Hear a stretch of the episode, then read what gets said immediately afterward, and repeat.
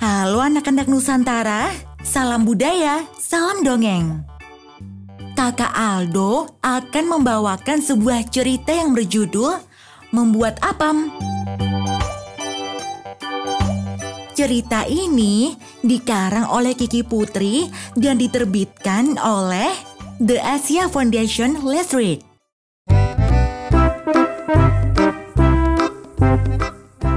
Bulan Rajab sebentar lagi tiba.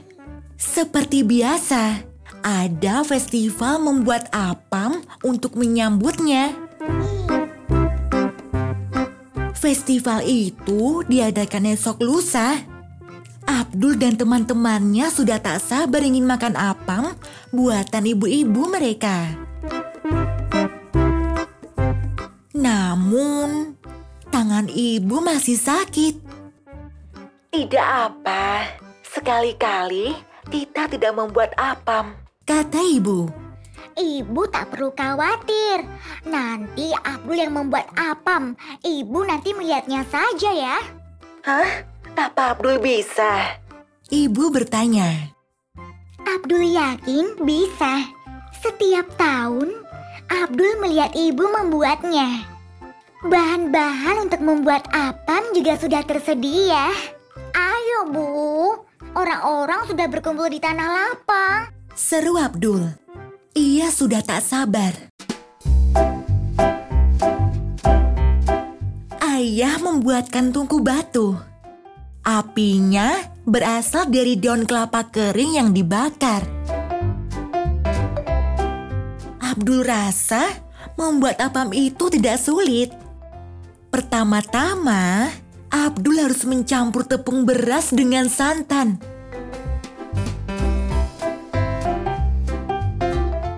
Ibu duduk aja, biar Abdul yang mengaduknya. Hati-hati Abdul, kata ibu. Hanya mengaduk begini tentu mudah bagi Abdul. Abdul pelan-pelan dong aduknya. Ibu berseru. Ibu tenang saja, jangan khawatir. Abdul berusaha meyakinkan ibu.